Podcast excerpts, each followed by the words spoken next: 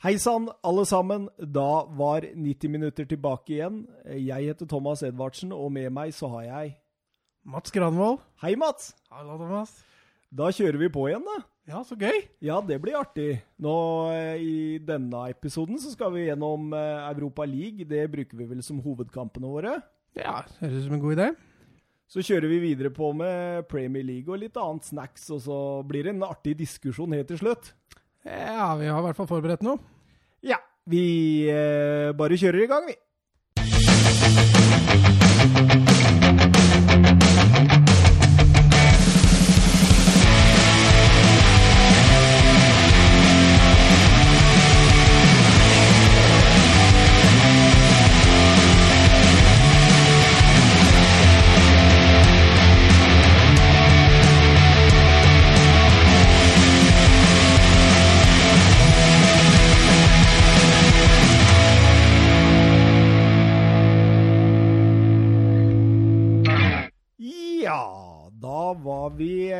Endelig klar eh, etter en eh, relativt lang intromusikk. Ja, det får Vi får vel se om vi får redigert den litt etter hvert, kanskje. Eller kanskje bare bytta. Vi får, vi får se. Det, det har vel ikke blitt noen merkelapp for oss enda, men han er litt kul, da. Ja, det var litt eh, fengende.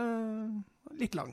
Ja, litt lang. Det har vi også fått tilbakemelding på, og tilbakemeldinger det tar vi på dypeste alvor. Ja. Eh, men du, Mats. Eh, på torsdag så var det Europa League. Eh, ja. Og eh, det var to engelske lag som møtte et tysk og et eh, spansk. Stemmer. Jeg følte vi fikk sett litt sånn eh, styrkeforhold mellom de store ligaene i Europa, der vi fikk eh, fjerdeplassen i, eh, i England mot fjerdeplassen i Tyskland, og vi fikk eh, femteplassen i England mot, eh, mot sjetteplassen i England, hvert fall, nei, unnskyld, i Spania. I hvert fall før helga, og så fikk vi sett litt og målt litt styrkeforhold eh, ligaene seg imellom. Ja, i hvert fall liksom sånn rett under topp, da. Ja. Eh, den første kampen vi skal ta for oss, da, det var torsdag 21.00 på Emirates Stadium. Det var Arsenal mot Valencia. Eh, så du den? Jeg eh, fikk ikke sett hele i sin sammenheng, men jeg, jeg har fått sett både høydepunkter og, og litt større deler av matchen, så jeg har i hvert fall fått danna meg et godt inntrykk av hvordan kampen var. Så det du sier egentlig, er at jeg har en fortrinn der, for jeg så hele. Jeg eh, belager meg litt på din ekspertise i den kampen her, ja. Ja, det er deilig. Det er deilig. Det er sånn uh, man liker å høre det, som en uh, ypperlig programleder som Eller er pro programleder? Nei.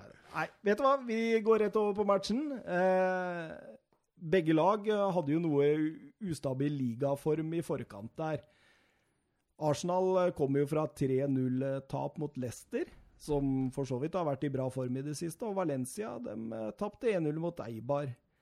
Eh, lagene hadde møtt hverandre seks ganger før. Det har endt med to Arsenal-seire, tre seire til Valencia og ett uavgjort. Eh, hva tenkte du liksom før matchen? Hva styrkeforhold og Altså På Emirates så, så er det jo naturlig tror jeg, å tenke at der, der bør jo Arsenal uh, ha fortrinnet.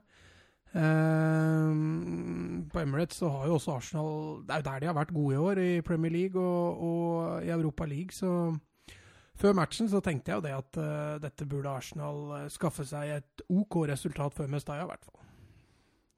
det, De er vel kanskje litt avhengig av det òg, for Arsenal er jo blitt et typisk hjemmelag. Det er jo der de eh, imponerer når de imponerer. Mm, jeg er helt enig med deg. Eh, Emirates er, eh, har Arsenal vært gode i år, og jeg tror de var ganske avhengig av å få med seg et eh, godt resultat eh, derfra for å, for å ha noen gode muligheter til å avansere til finalen. Ja, helt klart. Arsenal kom i en eh, 3-4-1-2 med Øzil bak eh, Aubameyang og Lacassette, og det eh, Da sier jo Emery at eh, her vil vi angripe. Ja, jeg regner med deg i det. Den startoppstillingen var egentlig ganske offensiv, og vi prata jo litt om det rett før vi gikk på her, at det er litt rart at Lacassette og Aubameyang ikke har fått flere sjanser sammen, i hvert fall når vi ser åssen det gikk, gikk på torsdag. Men eh, la du merke til at eh, den formasjonen allerede var ute på tirsdag? Nei, jeg har ikke sett det, men jeg hørte du fortalte om det, så du kan jo gjenfortelle det. Nei, det har jo seg sånn at det fins jo litt eh, journalister og litt sånt ute på disse treningene. Og det var jo en journalist som hadde tatt et bilde av Emry, der han går rundt med notatblokka si. Og den notatblokka, den hadde de forstørra. Og der viste de formasjonen eh, som eh, det viste stemte, da. Ja, det er ikke mye du skal gjøre nå før det, før det legges ut, så må Nei, være jeg litt, tror- være litt forsiktig. Tror nok Garcia flira litt når han så det. Altså- ja, I hvert fall når det stemte. Ja, han la vel kanskje opp eh, taktikken etter det òg, for han kom jo ganske defensivt, egentlig. Ja, altså, Valencia de tok, eh, de tok litt hensyn. De, eh, de gikk ut litt mer, eh, mer Altså, startoppstillingen tilsa i hvert fall at de skulle kontrollere sitt eget bakrom og, og mellomrom. Og ja, de gikk litt mer defensivt til verks enn det Arsenal gjorde, som kanskje er naturlig når de spiller på bortebane i en semifinale.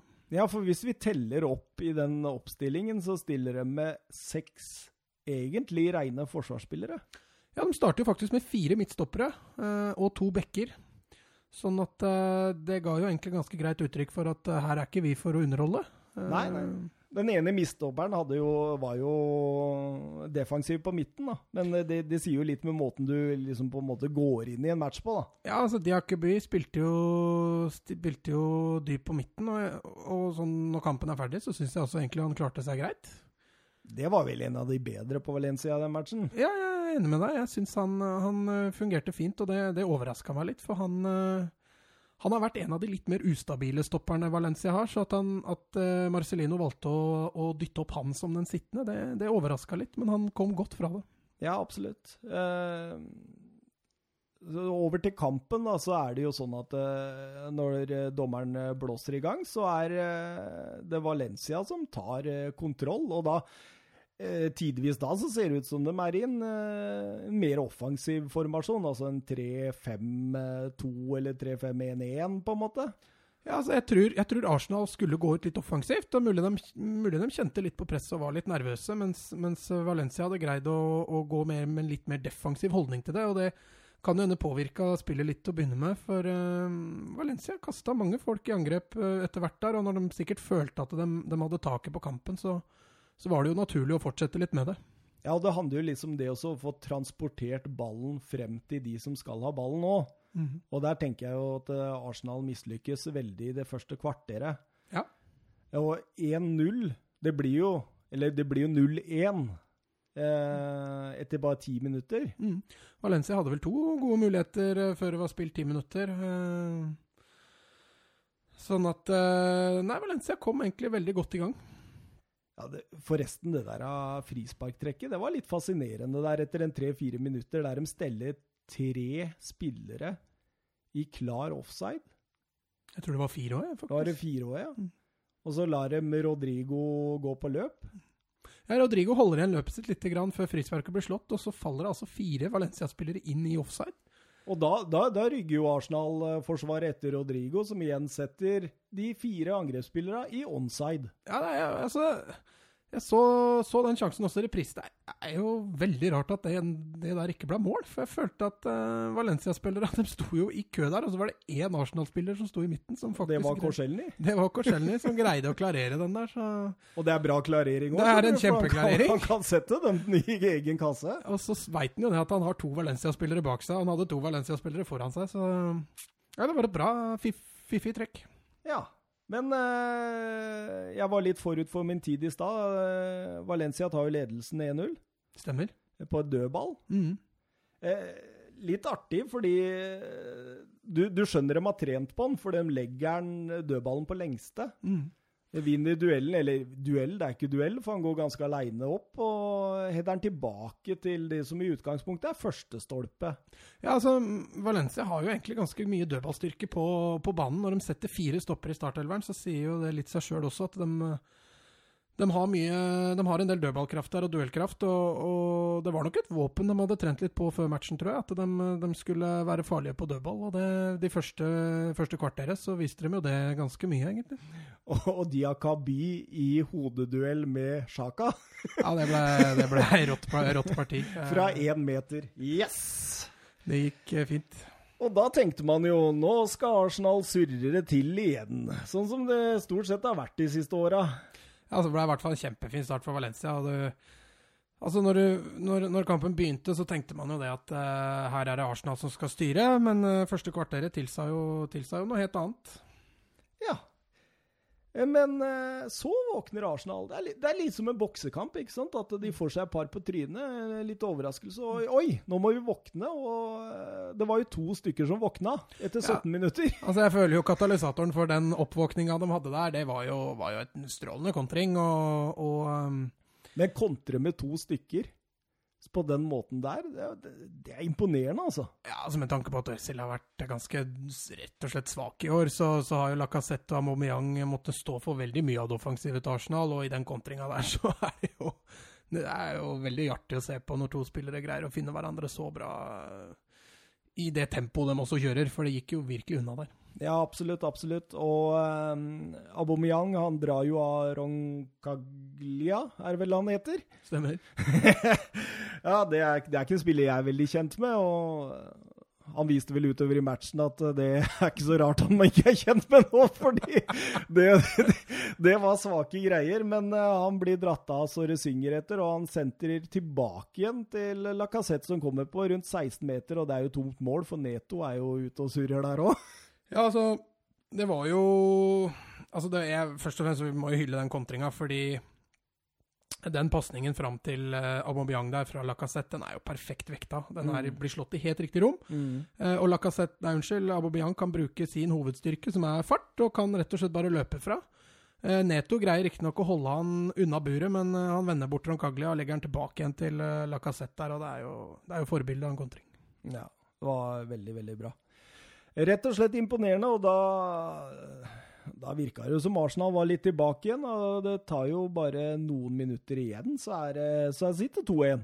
Ja, så Som jeg sa i stad, så, så, den skåringa løsna det litt for Arsenal. Da, det var litt sånn som du sa, at nå, nå må vi våkne, og det gjorde de, det gjorde de bra. Ja, og det er jo Sjaka som tar Altså, Sjaka han er ekstremt ustabil, men på sitt beste så kan han styre en hel midtbane. Ja, det visste han jo, visste han jo på torsdag. Han, eh, det er han som, som, tar litt tak der på midtbanen og, og røsker litt opp der. Og, og, Arsenal får lov å begynne å kontrollere ballen igjen på motstanderens banehalvdel. Og da, da, har jo Arsenal fortsatt en god del kreativitet i laget og kan, eh, kan bygge mye fine angrep. Ja, og han står jo fra dypt og legger fint inn der, men det, det er keepertabbe. Helt enig. Eh, det var jo det jeg sa til deg også når jeg så på, så på kampen, at der er det dårlig keeperspill. altså.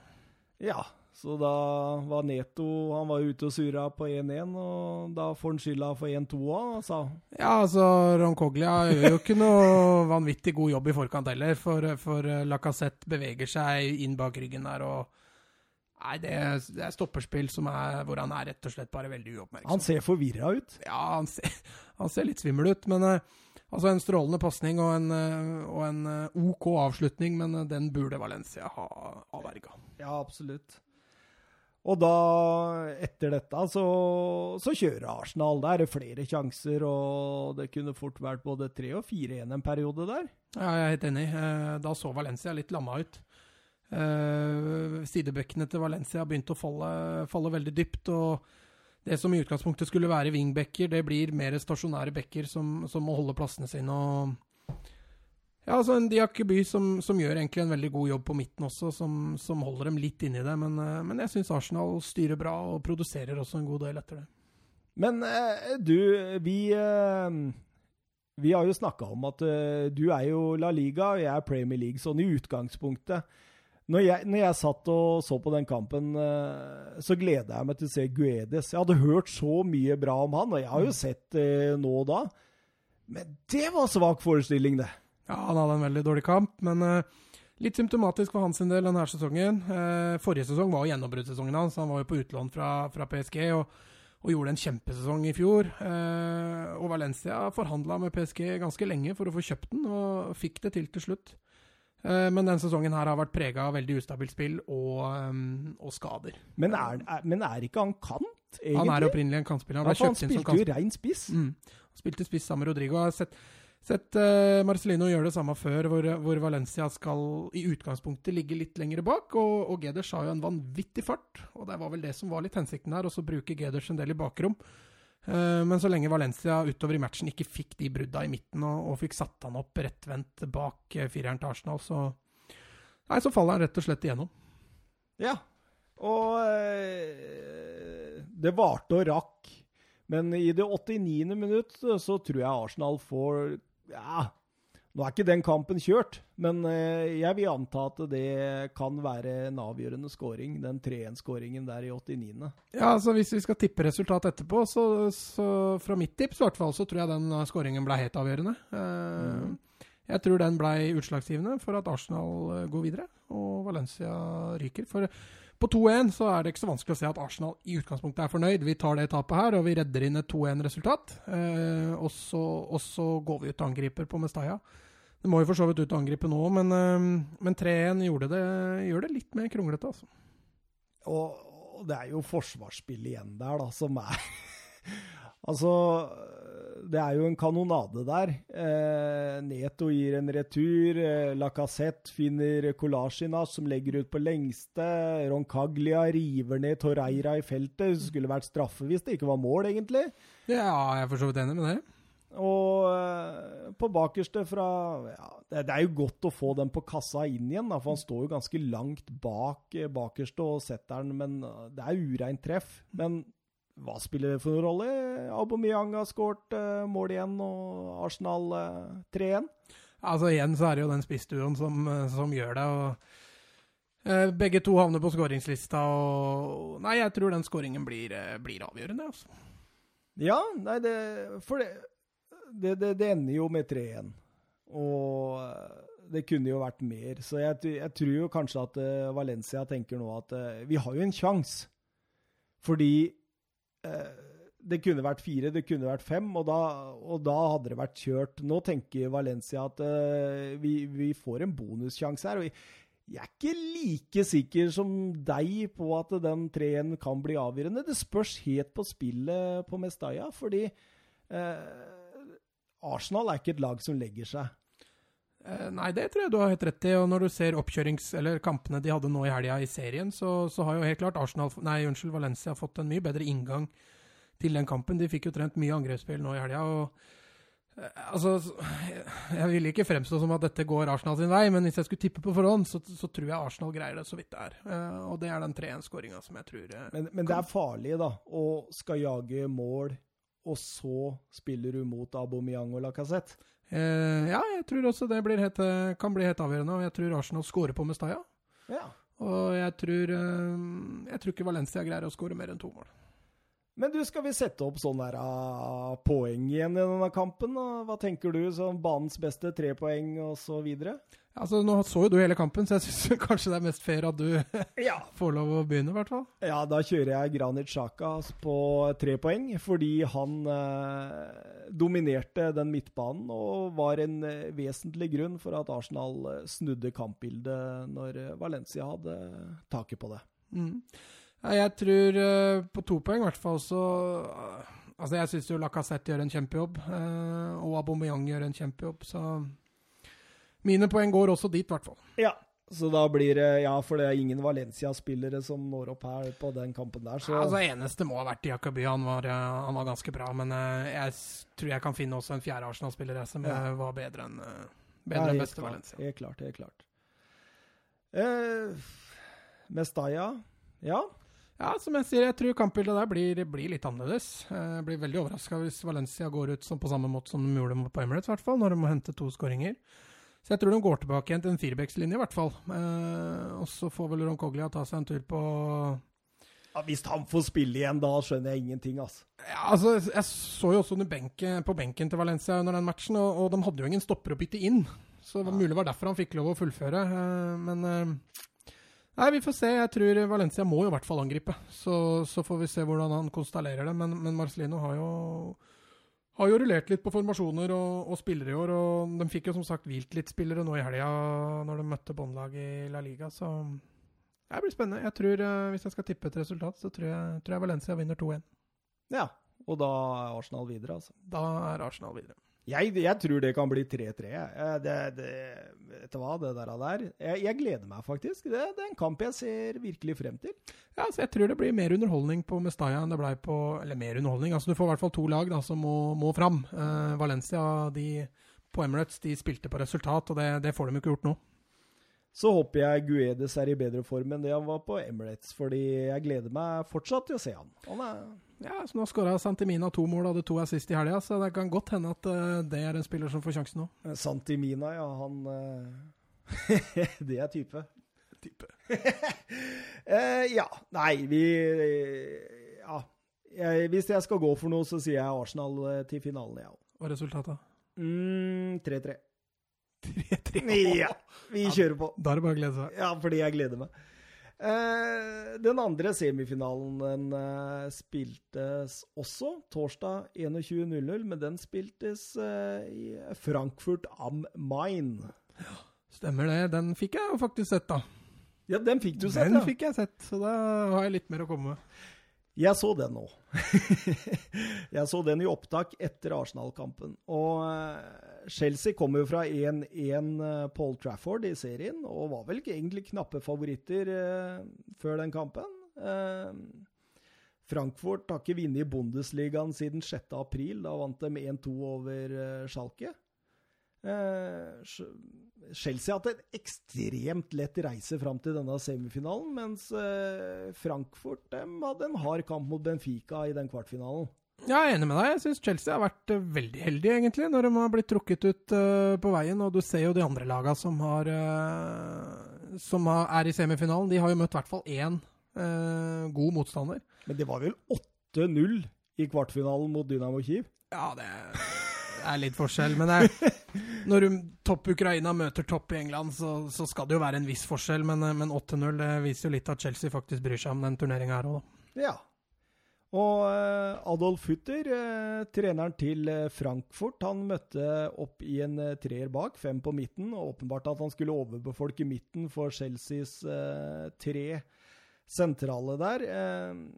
Og så hadde han den store stjerna Luka Jovic på topp. Ja, Stemmer. Eh, manglet både Rebic og Haller, som er jo kjent som Altså, jeg husker jo jeg leste x antall artikler om supertrioen til Frankfurt. Men det har gått litt uh, tråder i det siste. Ja, så Heller har vel vært ute en liten stund, og, og Rebic har ikke vært ute en stund, men han var ute i den matchen her. og det er klart, Når du mangler to av dine tre fremste angrepsvåpen, så, så vil nok det påvirke både måten du setter opp laget på, og hvordan kampen blir. og Altså, Vi skal sikkert ta for oss kampforløpet litt nå utover, men, eh, men du så det litt under kampen nå, at uh, Frankfurt de, de prøvde, men eh, Ja.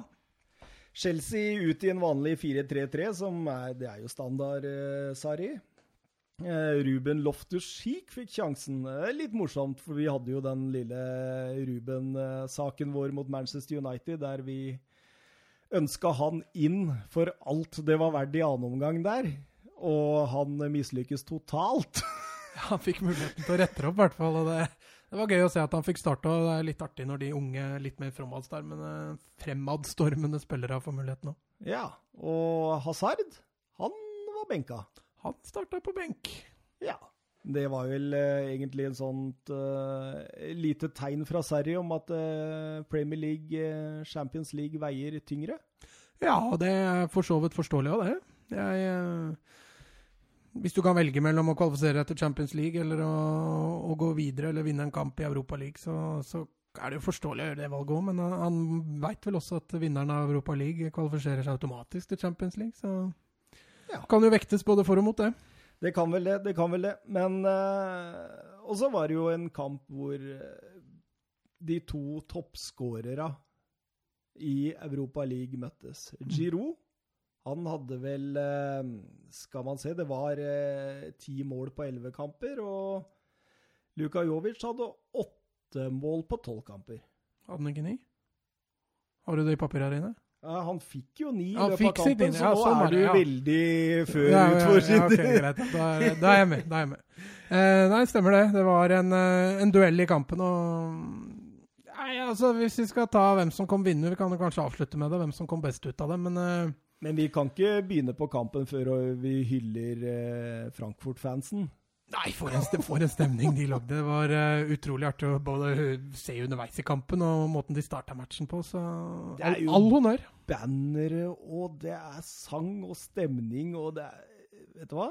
Jeg- Hadde jeg vært spiller og fikk velge hvem jeg skulle gå til i Tyskland, så hadde jeg i hvert fall tatt et år i Frankfurt, tror jeg. Ja, hvis du ser Luka Jovic òg. Han, han er jo rykta, rykta hit og dit nå i sommer. og eh, Han uttalte i hvert fall før, for en snau måned siden, rett etter at overgangen fra Benfica var i orden, at han, han hadde lyst til å bli i Frankfurt. Han trivdes der, og han likte veldig godt fansen å spille på hjemmebane der. og ja, Når fansen greier å skape sånne rammer, så er det klart at uh, da, da gir det jo litt ekstra motivasjon til å bli der òg. Ja da, det er helt nydelig. Um, og fra, hvis vi starter på kampen, da, så fra 0 til 25 minutter, så er det jo Frankfurt, Frankfurt, Frankfurt all the way. Ja, jeg syns det. Uh, Frankfurt uh, starta bra. Uh, mye, mye tempo, mye aggressivitet. De ville framover. Eh, og de styrte jo mye av midtbanen. Eh, nå ble, fikk de jo ikke satt uh, Kepa på noen helt ordentlige prøver, men, uh, men de, jeg syns de styrte bra. Og, og midtbanen til Frankfurt fungerte veldig bra. Den formasjonen starta. Men det var jo Hytter sitt uh, tydelige opplegg her òg, å overbefolke den midtbanen og stresse Jorginho som lå dypt der. mm. Og det, det fungerte også veldig bra i starten. 1-0 kommer etter 22 minutter, og vi må ta et minutt for å snakke om den prestasjonen der, fordi eh, Tror, du han, tror du han gjør det med vilje? Ja, jeg tror det. Og for et utrent øye, da, så er det, det er bare en heading i mål. Mm. Men i forhold For innlegget er jo ikke bra fra Kostic. Nei, altså han må jo ut. Eller må ut, han må jo fram og ut for å hente den ballen. Og i tillegg, eh, måten han eh, får den på mål på, er eh, Altså, det er en klassespiss verdig hvis han gjør det med vilje. Han gjør det med vilje. Det er jeg overbevist om. og det, det viser så balanse, kroppsbeherskelse, styrke. Altså bare den styrken, og så holde dette statisk eh, i lufta der. Altså, det å få den på mål, det er jeg helt enig med deg. Det gjør den mulig. Men det å få den helt ned i hjørnet, altså, det er eh, Hvis han sikter på det hjørnet med huet sitt, nesten bakhuet sitt, så nei, da er det hatten av å bare betale det som må til for de klubbene som trenger en målskårer. Altså, for det, det er det høy klasse Ja, ja, det er poesi, rett og slett. Poesi! Poetry. Ja, men, eh, men eh, så, så er dette gjort, da. Og Frankfurt-fansen er eh, på topp, og alt Det er god stemning, og Hytter føler at uh, taktikken slår til. Og så, så begynner Chelsea å spise seg inn i matchen, og Loftus Cheek tar jo over den midtbanen etter hvert. Ja, For en spiller han egentlig er. Hva, hva, hvorfor har ikke han spilt mer? Ja, det stilte vi jo, det spørsmålet stilte vel Ja, jeg også i episode én. Nei, han er, det er fantastisk driv på den spilleren. Han har, han har ferdigheter, han har fysikk, han har, eh, han har fotballforståelse. Han, han har veldig mye, og han er fortsatt ganske ung. Eh, sånn at eh, Altså, den kampen han, der viste han virkelig også mye av repertoaret sitt, av hva han har. Men, men gi han et par sesonger til, så kan vi snakke en av Europas ypperste midtbanespillere. Altså. Ja, det tror jeg. Han er eh, både toveis, og han er uh, god med ballen. Han, uh, nei, han hadde en, rett og slett en veldig god kamp når, når Chelsea Mye av grunnen til at Chelsea fikk uh, kampen over i sitt spor etter hvert. Når jeg hører litt rykter om en ryggskade, da, som de ikke får helt kontroll på, det er det i hvert fall uh, Sarri sier. Ja, det kan sikkert stemme. Jeg har ikke hørt de ryktene, så jeg får bare stole på deg. Ja, det gjør du lurt i. Eh, 1-1, 44 minutter, da smeller det. Eh, Pedro, Ja, fin skåring òg, syns jeg. ja, Frankfurt, rasende over at de ikke de får et frispark i forkant. Ja, altså, Vi snakka jo litt om det. Jeg, jeg syns jo for så vidt at det er et uh, frispark. Men det det, er jo soleklart. men det er jo som du sier, at det er mange muligheter til å klarere den ballen der, så Ja, altså, etter det frisparket så spilles det jo litt før ballen går til en corner, og den corneren blir tatt, og så blir den klarert igjen, og så kommer den ut til Ruben Loftus-Cheek, og den får ikke lagt press på han riktignok, og så er det ut til eh, Pedro som setter den fint i hjørnet. Det er mange sjanser å gjøre opp det der på, du kan ikke blame dommeren for det. Nei, altså det er begrensa hvor lenge du kan gå og klage på en dårlig dommeravgjørelse. Det er jeg helt enig med deg, så men, eh, men som du sier, det burde jo vært et frispark, og mm, I femte minutt så skulle jeg hatt et frispark. det hadde ikke blitt 1-1 i det sjette, sjette minutt, da. Hadde jo ikke det. Så nei, det blir litt sånn. jeg er helt enig med deg. Det, Frankfurt burde bare fortsatt å ja, Nei, vi eh, får hylle også Chelsea, for jeg syns de løfter seg veldig bra utover andre omgangen. Og, og, og Loftus Cheek eh, er mye av grunnen til det, og er jo også den som legger opp skåringa.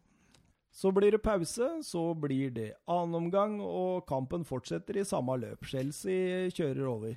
Altså, Jeg sa det jo til deg også underveis i kampen, at uh, dette må jo være noe av det beste jeg har sett av Chelsea i hele år. Fordi uh, altså, Canté, Jorginho og, og Loftus Cheek på midtbanen de, de, spiller på et veldig høyt tempo. Også uten Hazard, da? Ja, uten, ja, uten Hazard også. De, de spiller på få touch. Det er mye bevegelser uh, i og rundt midtbanen. Bekkene involverer seg offensivt. Uh, kantene kommer inn. Altså De spilte på et mye større repertoar da, enn det jeg har sett mye av Chelsea så langt i år. Det, men, det men, kan det være litt sånn som man kan se antydninger til i Tottenham? da, At når uh, Harry Kane er på banen, så tar de andre litt mindre ansvar? Kanskje når Hazard ikke er der, så at de andre kanskje stepper opp litt?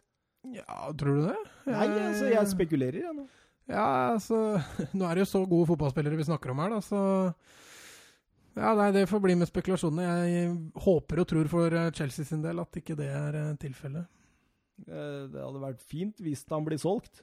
Ja, hvis det ender opp med å selge den, så er jeg enig med deg. Da har de jo litt å gå på, men Ja. Eh, over til kampen. Eh, men de får jo aldri den 2-1, og så gjør Hytter et uh, genialt trekk. Fordi han uh, finner ut at uh, hvis vi fortsetter i samme regla nå, så kommer målet snart. For da var det close. Louis hadde en i tverrleggeren. og... Ja, forresten, det frisparket var jo Altså, David, David Louis har en frisparkteknikk som er det, er det, er nydelig å se på. Når, når han treffer sånn som han gjør og får den Altså, han skyter faktisk med innsida av beina. Det, ja, det er, det er, det er ikke, altså, det kan du stå og trene lenge på. så Jeg tror jeg aldri hadde fått det til om jeg hadde levd i 200 år. Det er noen spillere som har den teknikken. Ja, Gareth Bale er en av dem, vet du. Mm. Men han får jo ikke ta frispark. Han får jo ikke spille engang i Real Madrid Men... han får ta frispark på treningsfeltet, da, så han får øvd. Men nei, jeg syns eh, David Louis har en herlig frisparkteknikk, og det er litt synd at ikke han går inn, faktisk. Ja, absolutt. Absolutt. Det... Men han uh, Luka Jovic får litt mer støtte på topp der igjen, og så plutselig så produserer de litt igjen. Ja, Frankfurt kunne fort ha tatt uh, ledelsen der når Chelsea brenner sine sjanser, så så, så, var det et innlegg der som ruller eh, langs mållinja nesten. Så Chelsea var også litt heldige at de slapp unna med bare én baklengs. Ja, men uh Nei, det blei jo da til slutt 1-1. Ja. Et, uh, altså et greit resultat for, for, Chelsea sin del, men uh, Den vil føle her at den burde Jo, men jeg tenker resultat sin del, med at de spiller 1-1 på bortebane, er et greit resultat. Men jeg er helt enig med deg at uh, når du har sett kampen, så, så burde Chelsea fått mer, et bedre resultat ut av banespillet de hadde. Avslutningen på mål 16-6 til Chelsea. Chelsea hadde også ballen i 67 så all over så er det nok eh, Chelsea sånn Ja, bare middels fornøyd med det. De kunne vel eh, Men hadde det blitt eh, 1-2 der, så tror jeg det hadde vært gjort. Nå er jeg litt mer usikker, selv om Chelsea er en eh, brukbar favoritt. Ja, altså, Det er jo litt sånn som du, sånn som du sier, da. Hvis, hvis Haller og Ante Rebic er tilbake igjen til returoppgjøret på, på Stamford Bridge, så Altså, Jeg holder Chelsea som en uh, ganske klar favoritt, men uh, skal ikke avskrive Frankfurt. Det, det, tror jeg vi gjør dumt i. altså. Nei, Så er det litt med den tyske mentaliteten og sånt òg, da. De, de, gir seg aldri. Var det ikke Gary Lineker som sa det at uh, fotball er et spill med elleve mann på hver sin side av banen, holdt jeg på å si, og til slutt vinner tyskere. på, på, hver sin side av banen. Ja, ja så det stemmer. Jo det. Det var bra sitat, mann. Det var et kjempesitat. Ja. Det, det var ordet. Jeg er så god! Men eh, nei, så da blir det i så fall 2-1 til Frankfurt. da. Frankfurt må jo fram. Frankfurt må skåre. Eh, og så får vi se. Jeg tror vel Hazard får prøve seg den kampen igjen, fordi Chelsea sikra jo Champions League i helga og kan jo konsentrere seg fullt ut om den uh, Europa League-sluttspillkampen der. Ja. Nei, så da sier vi at det blir helengelsk Europa League-finale? Det heller litt mot det. Vi snakka litt om at det var gode muligheter for en helengelsk Champions League-finale også. Det, det, ser jo ikke ut til å bli nå, men at det kan bli det i Europa League, det tror jeg det er eh, gode muligheter for. Ja. Eh, men hva tenker du sånn du kjenner Sarri nå? Ja, den, uh, Vi satt og prata litt om det i stad. Altså, han har jo en måte å spille på. Han, han vegrer seg jo veldig for å gå vekk fra de, den måten å spille på. Uh, og selv om han her nå kan spille på et resultat, så, så, tror jeg ikke han velger å gjøre det. Jeg tror han vil gå for en scoring, og det gjør jo den kampen enda mer uh, Kan gjøre den kampen enda artigere å se på. Jeg liker den til, tilnærminga ja, det òg. Helt enig med deg. Enig med deg. Fordi hvis du legger deg bakpå der, og så får du 0-1 på slutten der, så er du ferdig.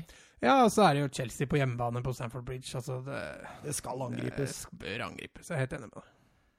Ja, absolutt. Nei, men uh... Skal vi tippe resultat, eller? Ja Skal vi gjøre det? Ja, du kan begynne. Jeg liker best når du begynner, men jeg sier 2-0 til Chelsea. At det går helt greit. Åh, oh, Det var det jeg hadde tenkt å tippe. da tipper jeg 3-1 til Chelsea. Ja. Skal vi ta fantasypoeng òg? Eh, Ruben Loftus gikk nummer tre, og den gir meg aldri på, tror jeg. Nei, den er jeg helt enig med deg i. Men de neste er jeg litt spent på. Ja, eh, ja Pedro 2. Han uh, syntes han var livatt. Og så uh, vil jeg gi ett poeng til uh, Jovic. Det ene poenget til Jovic, jeg er helt enig med deg. Den avslutninga han har på 1-1, er, er ett poeng aleine. Men jeg eh, må jo si det at jeg, jeg vurderer sterkt faktisk Giroud. Han er en av de beste kampene. Ja, du sa det, der er jeg, men jeg, jeg, liker jo ikke han der. Jeg. Nei, for så vidt greit. Men jeg, jeg, er ikke så ofte jeg har sett han så lett i kroppen og så bevegelig. og Nei, altså, det er jo fordi han aldri spiller, da. Nei, det er sant. Men han spiller jo Europa League. altså, han har noen vendinger med avslutningen der hvor han vender 180 grader. Han ser ut som han veier 40 kilo, så ja, det var Hazard har sagt det, vet du? At eh, selv når, eh, når Morata var der og alt sånt, så sa Hazard det at jeg liker best å ha Giroud på topp. Ja, det, det jo Deschamps òg, så Mm. Han har jo et eller annet ved seg, men jeg, men jeg syns han har vært ganske tung tidligere jeg har sett den i år. Men, men i den kampen der så, så overraska han meg, så jeg tror jeg gir mine to poeng til Giroud. Altså. Ja, og han er jo europeisk toppskårer i Europaligaen òg. Ja. Nå har jo som sagt Chelsea hatt en mye lettere vei enn de fleste andre, men, eh, men eh, all honnør. Ja, absolutt. Nei, men da sier vi så, og så går vi videre i programmet. For da går vi over til Premier League, og der er det spenning enda. Eller det var spenning før den runden? Ja, før den runden så var det, var det litt spenning rundt eh, Champions League. Og det var jo også noe halmstrå i forhold til nedrykk. Men, eh, men når runden er ferdig, så er det vel egentlig bare gullstriden som, som gjenstår. Den deilige gullstrid? Ja, altså det er blitt en det er jo en herlig kamp vi får der. Og, eh, Alle snakker om den nå? Ja, synes, ja, det er jo ikke, det er fortjent også, syns jeg. Det er to lag som har hatt en fabelaktig sesong. Eh, det er klart det er fortsatt litt spenning om hvem som tar bronse, og hvem som blir nummer fire. og Arsenal har vel et uh, teoretisk sjanse på å ta Champions League, men uh, nei, det blir vel gullstriden som blir den store snakkisen i uka som kommer òg. Ja, for når det er over til at Arsenal har en teoretisk uh, sjanse til den fjerdeplassen, så så kan vi begynne med Tottenham, da, som åpna ballet på lørdag mot uh, Bournemouth. Altså, Altså, sånn, altså, Tottenham kjemper jo om Champions League. Eh, Bournemouth kjemper jo bare om heder og ære. Og med tanke på når vi veit åssen den kampen gikk, og når målet kom, og sånne ting, så, så var altså det en veldig underholdende fotballkamp til å, til, å, til å, inneholde så få mål. Vi visste du at uh, Bournemouth og Tottenham har møtt hverandre åtte ganger tidligere? Det har endt med sju Tottenham-seiere og én uavgjort hvor eh, målforskjellen er 26 mål til Tottenham mot to. Ja. Altså, altså eh, historisk sett så skal jo Tottenham spasere dit og ta tre poeng og si ha det bra. Ja, men sånn gikk det jo ikke. Nei, det gjorde ikke det, fordi det var jo mye som skjedde der. og eh, Bournemouth har jo hatt kjempekeeperproblemer i år og starta med en 19-åring i mål. Vellykka, vil jeg si. Han, eh, han, hadde en debut, eller debut var det jo ikke, men han hadde en, hadde en, kamp som eh, Ja, jeg tror kanskje Eddie Howe tenkte at her er kanskje keeperproblemet løst. Ja, det var til og med debut. Ja, i Premier League, ja. ja. Han hadde jo, da, så hørte kommentatoren sa han hadde debutert tidligere, men Ja, men Altså- det var for noe sånn der utlånsklubber. Det var debuten i, i Bornermouth-sammenheng. Uansett så var det en eh, kanonkamp, og eh, en matchvinner, rett og slett. Men vi, vi må bare For her er det mye. Her er det mye, altså. Det, det Du, vet du hva det, det er i hvert fall en kamp VAR burde ha vært. Fordi, men da hadde det kanskje kampen vart i 180 minutter, for det som episode 1. Men eh, altså, jeg syns jo altså, Sett under ett, altså, syns jeg dommeren Med tanke på hva han selv ser, så syns jeg han gjør mye riktige vurderinger. Eh, så er det alt det han ikke ser, som, som VAR eventuelt kunne tatt tak i. Ja, fordi kampen eh, er, jo 0-0 til uh, ute i eh, overtiden av annen omgang. Altså, Hvis vi skal begynne fra starten av, så syns jeg jo Altså, det var jevnt å begynne med, og så syns jeg Tottenham tok eh, mye over. Skapte mye gode sjanser. Eh, Bournemouth eh, var relativt farlig på kontringer. Altså, Joshua King hadde en veldig god førsteomgang, men eh, med banespillet var det, var det Tottenham som styrte, og allerede etter ti minutter der så kunne jo Lucas Mora straffa debutanten ganske hardt med, en, eh, Ja, med et skudd fra midtbanen. Men eh, nei, jeg syns Tottenham eh, hadde, så ut som de hadde lyst til å vinne fotballkampen. Men jeg er mest keen på å diskutere alle disse situasjonene, jeg, da. Og King ropte på straffe da han kolliderer med Loris. Der er Loris borti ballen. Det kan jo aldri være straffe. Nei, akkurat den er jeg enig med dommer. Jeg syns han eh, gjør en riktig vurdering der. Jeg syns uh, Loris tar ballen, og, og det er greit at spillet fortsetter. Men den som kommer etterpå, den er ikke like enig med dommeren i.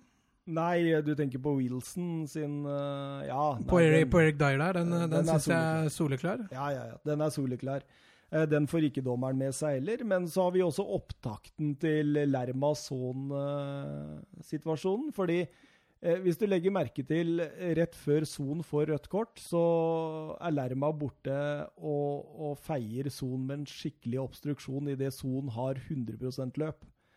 Og du ser, Son går jo ned, og spillet blir stoppa.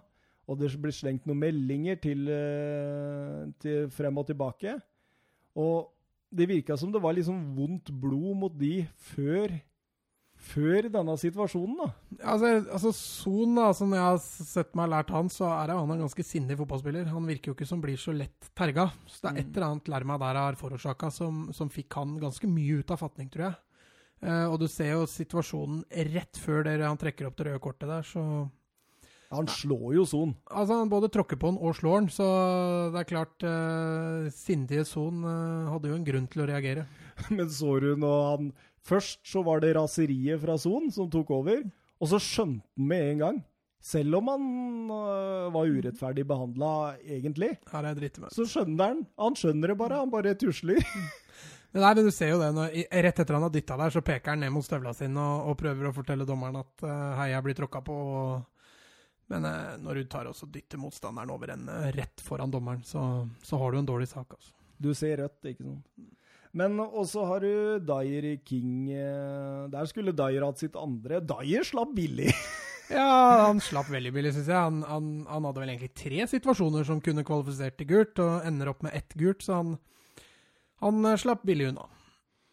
Og så har du uh, ut i annen omgang, så var det Det var jo bare tre minutter ut i annen Det var ikke mye heller, tror jeg. Han, han, eh, som du sa, så, så bytta han jo ut Dyer og Aldevirell fordi de hadde gule kort. Altså. så setter du inn på en som får rødt kort etter to minutter og ti sekunder, eller noe? Ja, og jeg tror Altså Når det skjer eh, Tottenham fikk jo rødt kort rett før pause, så her har to lag gått inn og lagt en plan for hvordan de skal spille ti mot elleve. Eh, og så, etter to minutter, så skal du spille elleve mot ni. Og det tror jeg påvirka begge lag. Hva tenker Pochettino da, når uh, han er redusert til ni mann? 0-0, tror jeg han tenker. Her må vi safe inn. Og det, eh, det tror jeg du så også. Det var Eriksen og Ally og Mora. De hadde fritt leide, de kunne gå i angrep. Resten de skulle, de skulle holde igjen. Eh, og de kriga, kjempa lenge. Det var ikke de helt store sjansene til noen av lagene, egentlig. Nei, det er jo forferdelig av Bournemouth å ikke tilegne seg et større press. Ja, jeg synes det er helt enig. Jeg synes Eddie Howe gjør, gjør, gjør noe Altså, han gjør jo egentlig ingenting. Han, han mangler jo litt coaching, rett og slett, fra sidelinja for å, for å prøve å bikke den eh, kampen over. Altså, når du spiller, selv om du møter et bra lag som Tottenham, så spiller du med to mann mer, altså. Så det skal gå an å skape mer. Ja, absolutt. Målet kom eh, på overtid. Det var en dødball, og den er jo litt prega av at de er ni mann der, fordi de løper jo seg fri, og han er får stå ganske uhindra, han Nathan Akay. Ja, han eh, får en enkel jobb der. Han eh, kommer seg helt løs, og da, da måtte det gå som det måtte gå, rett og slett. Ja, og Tottenham inviterer resten på Champion League-spill. Ja, nå løste jo det seg i løpet av helga, men uh, helt riktig. De, eh, I tillegg så har de jo en semifinale på onsdag. og Litt merkelig måte å spare spillere på, er du ikke enig? Jo, jo. Og jeg, jeg, jeg tenker uh, Lerma, da. Jeg, jeg satt og tenkte det, vet du hva? Han kunne fort fått to og et halvt rødt kort, han, i løpet av den matchen. Jo, men han er litt sleip òg, da, for han gjør det bak ryggen til dommeren, og dommeren får ikke så mye av det med seg. Ja, for han har jo en springskalle, liksom sånn Altså, det, det står jo i regla det at det er forsøk på, og det er jo et forsøk på. Han prøver jo å nikke til Ally der også, helt på slutten. Og så, og så ser du også han, måten han velger seg ut de spillere som er lett å terge. da, For Ally også er en spiller som lett lar seg fyre opp. og det... Ja, men han er, nesten, han er nesten blitt uh, Han er lugn som skjæra på sjøen, da. Ja, men du så det i. Letune er vel skjæra her. Ja, men du så det på kampen nå, at han, eh, han fyra seg litt opp på slutten der, Ally. Ja, han gjorde det. Ja, han gjorde det. Eh, Videre over til uh, gullstriden, da. Da var det det potensielle bananskallet til Liverpool mot Newcastle. Ja, dem uh... Vi, vi trodde jo kanskje at det her kunne det egentlig bli avgjort. mm. Vi snakka om det i forrige episode. Eh, Liverpool eh, dukka opp uten Firmino. Han fikk tolv minutter på Barcelona, og så var han ute igjen. Så Mm. det er tydelig at denne skaden som Klopp flira av og sa nei, han er ikke ute for sesongen og sånn, den sitter jo tydeligvis litt mer i da enn det Klopp ville ha det til. Ja, nå leste vi også på TV 2 at både, både Salah og Firmino er mot, ute mot Barcelona også. Så den, den skaden sitter nok eh, dypere enn det, det de liker å tro. Ja, og eh, Newcastle kom jo i sin eh, faste ramme, de. eh, Fem bak og skulle stå i ramma og spille veldig direkte opp på Rondon. Ja. Rondon la seg på Lovren, som egentlig hadde marerittkamp. Jeg syns ikke han får fått nok eh, kritikk etter den opptredenen der, altså. Altså, altså Jeg syns jo Benitez egentlig gjorde bra hjemmelekse i den matchen der. Han, han hadde gjort forhåndsregler og Ja, han blir jo straffa av personlig feil. Den blir straffa veldig hardt på personlig feil, og, og både førsteskåringa til Liverpool og ja, egentlig tredjeskåringa til Liverpool er jo, er jo rett og slett markeringsfeil.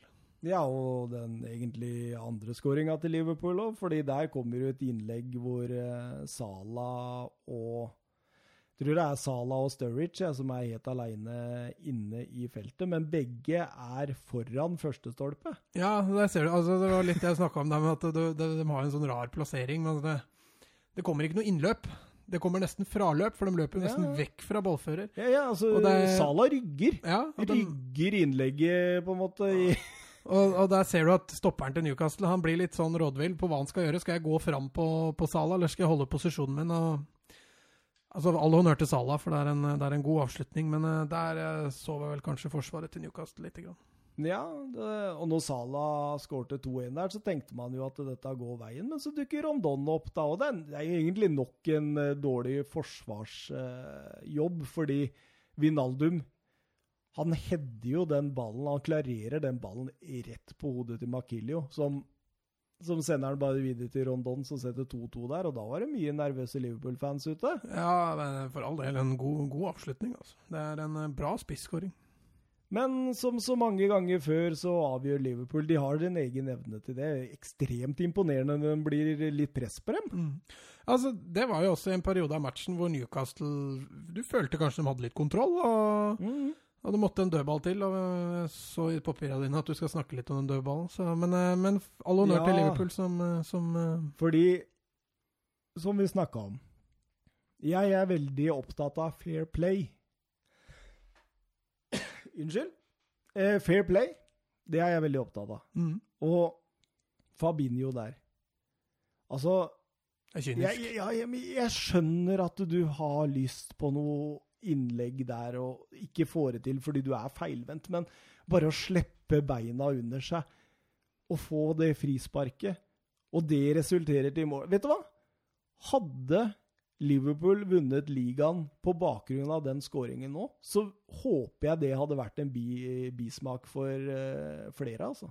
Jeg tror ikke det hadde vært det. Nei, jeg tror ikke det heller, men jeg, jeg, blir, jeg, jeg blir så irritert når du bare legger deg ned. Ja, altså, Vi skal snakke litt om Arsenal etterpå.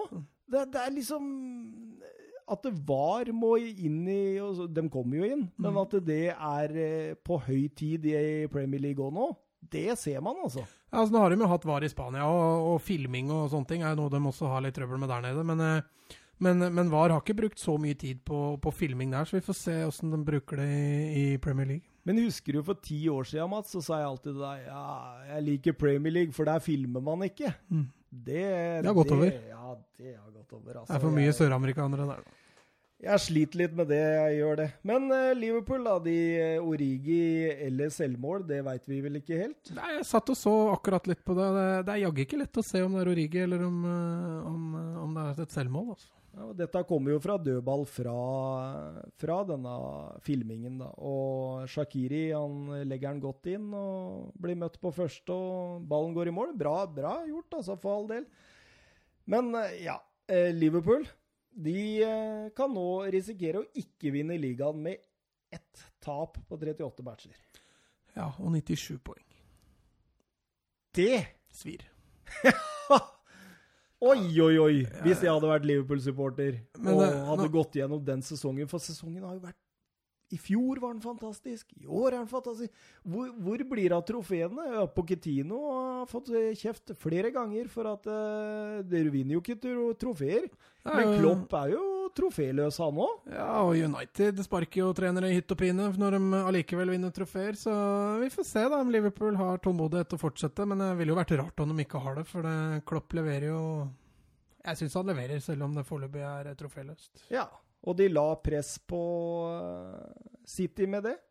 Og City eh, det, vi, vi kommer jo rett i studio fra City Leicester, så vi tar den litt seinere. Eh, videre over til Huddersfield eh, Manchester United, og der forventa vi jo alle at Manchester United skulle vinne ganske lett.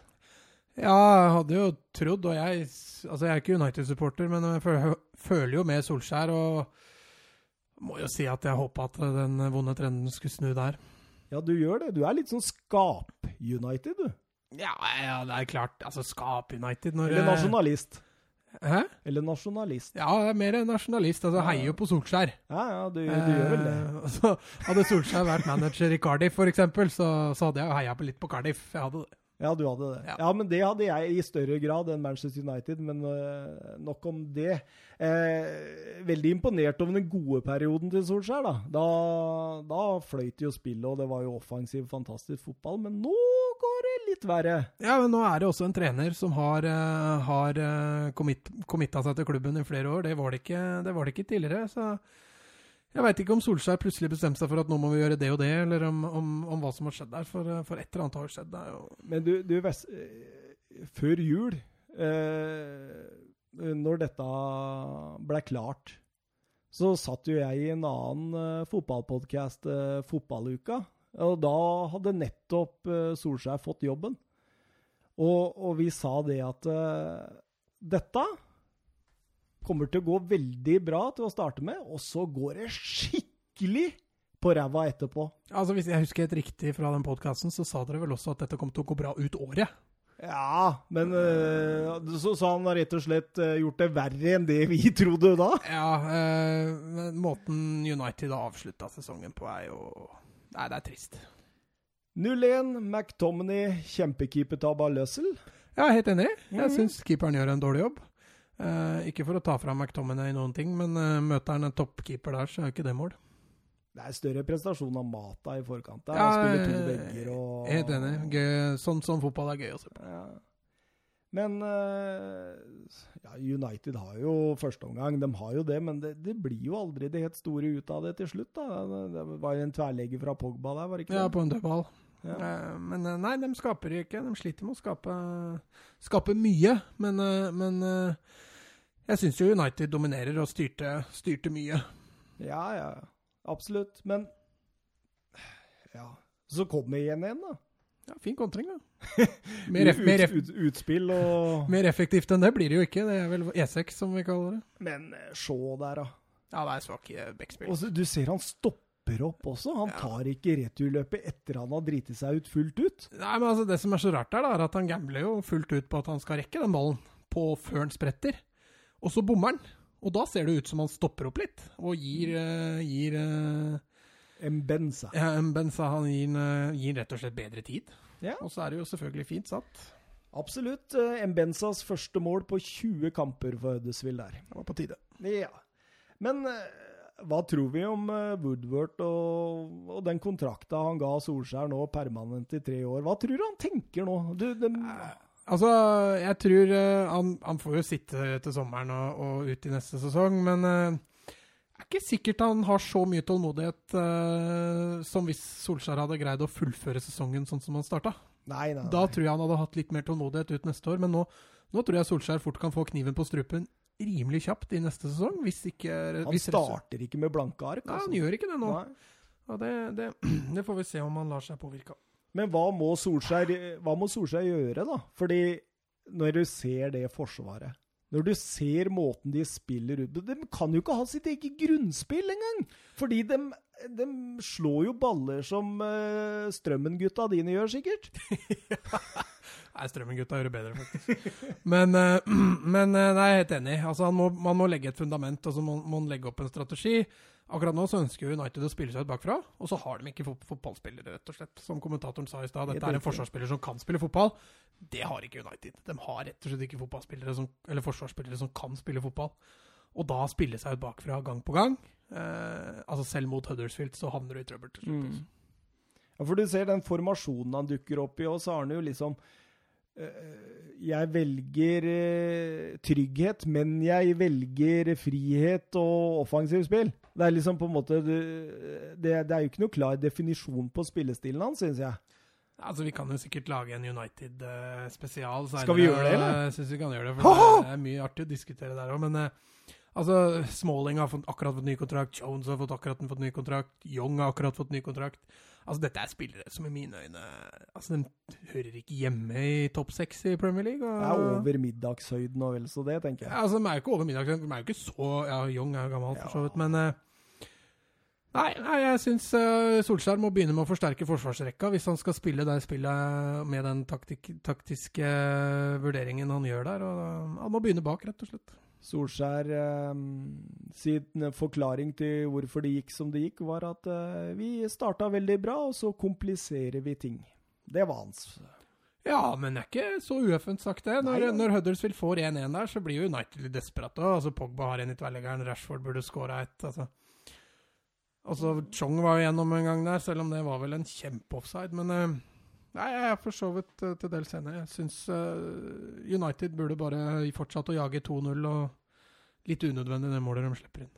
Skal vi skumme fløten litt på Chelsea-Watford òg? Vi har snakka mye Chelsea i dag, men vi kan jo bare gratulere dem med Champions League-spillet, i hvert fall. Ja, det gjorde det de kom for, og Arsenal og United ga dem jo det gale pakka.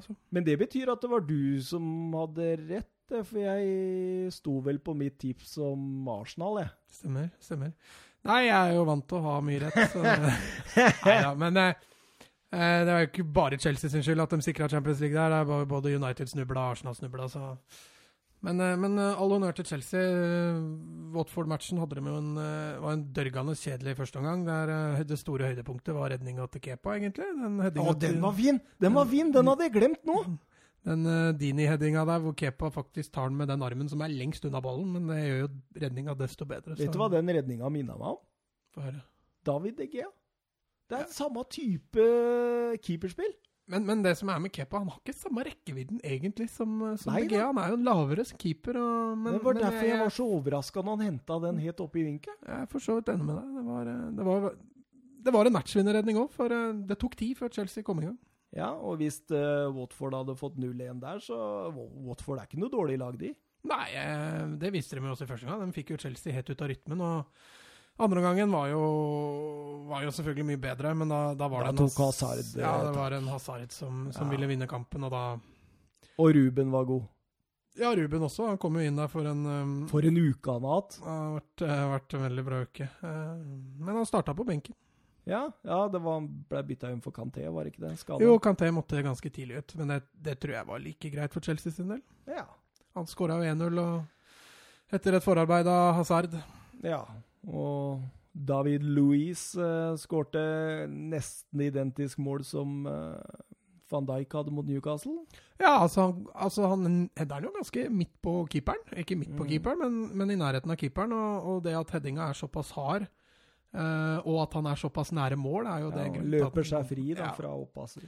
Men, men headinga har vært litt lenger ute der, så tror jeg keeperen hadde tatt den. Og så snakka vi veldig mye negativt om Higuain uh, i første episode av denne poden. Ja, vi Får bite det litt i oss, da. For den uh, avslutninga der, den var nydelig. Men det, men det, var jo det vi sa òg, var det ikke det? At uh, han har jo avslutningsegenskapene, men jo, han kommer ikke alltid til avslutningene. Nei, når han møter gode lag, så, så går det lenger imellom de store sjansene for Higuain. og han brant jo noen i dag, eller i dag, eh, på søndag nå, men eh, den skåringa han gjør der, det, det er eh, høy klasse. Ja. Nei, men uh, gratulerer, Chelsea. Tredjeplass nå kan bli fjerde, men Champions League uh, er sikra. Ja, det, Champions League er jo uansett sikra. Nå hørte du som Ove. Han der uh, Espen Eckbo. Nei, det jeg skulle si, da var at Chelsea har igjen Leicester borte. Ja, eh, det, er det, blir, lett. det blir ikke en enkel match, men, eh, men seier der, så er jo bronseplassen sikra. Apropos ikke enkel match. Eh, det var vel kanskje spådd litt enklere enn det blei, men Arsenal tok imot Brighton og skulle legge press på Tottenham. Ja, det begynte jo veldig bra. Ja, det er filming. Nok en gang. Filming. Ja, og men jeg tenker på stolpeskuddet etter ett minutt. De gikk jo for så vidt rett i strupen ja, på Brighton, men den uh, måten de får straffa på på 1-0 her, er jeg helt enig med deg. Jeg, jeg, jeg, blir så oppgitt, altså. Nok en gang. Og vet du hva? Arsenal fikk to gule kort for filming i den kampen, og Lacassette prøvde å filme til seg straffespark på overtid. Men, men var, du desperasjon. Var du enig i alle de gule korta? Eh, Sokrates sitt er eh, filming. Gendosi sitt er eh, ikke filming, fordi han eh, skal ta en skulder mot skulder mot en skulder som ikke er der. Og så, så setter han seg sjøl ut av spill. så han er eh, egentlig unnskyldt. Eh, men Nei, få det bort. Jeg er helt enig med deg. Den, ja, den filmingen er en uting. Men uh, så uh, Vet du hva? Brighton de plukker opp hanska de og slåss. Ja, de kom seg inn i kampen igjen, og Arsenal virka Jeg vet ikke, om de var slitne etter, etter Valencia-matchen. Men, men altså, jeg vil ikke si at Brighton tok over, men det ble jo en jevn kamp etter hvert. Ja, altså i hvert fall fram til eh, Brighton får 1-1. Mm straffespark. Eh, Solly Mars blir hekta av Sjaka eh, der. Ja. Ja, vi, og Glenn Murray Ja, vi måtte jo se, se den i reprise der, for det også så jo nesten litt ut som en filming. Men uh, han får en hekt der, og ja, han protesterer jo ikke all verden. Nei, altså, Sjaka protesterer jo ikke i det hele tatt. Og Sjaka er jo kjent for en spiller som sier sin mening, så mm. du skjønner jo at et eller annet skjedde der. Men jeg trodde først det var den der lille holdinga, for han, mm. han hadde jo armen på noe, så jeg tenkte jo eh, Der kunne du stått på beina, men mm. dumt av Sjaka å gi dommeren den muligheten, da. Mm. Nei, vi måtte se litt, se litt, nærmere på det, og da ser du at han blir eh, han, han sparker beina opp i kneet på Sjaka, som sørger for at han da hekter seg sjøl, og da er det vel for så vidt et greit straffespark. Ja, men etter 1-1, da kjører Arsenal, altså? Ja, det måtte de gjøre også. De, eh, de, kan jo ikke belage seg på å vinne Europa League for å sikre Champions League, så Og banens dominerende Dunk og Duffy.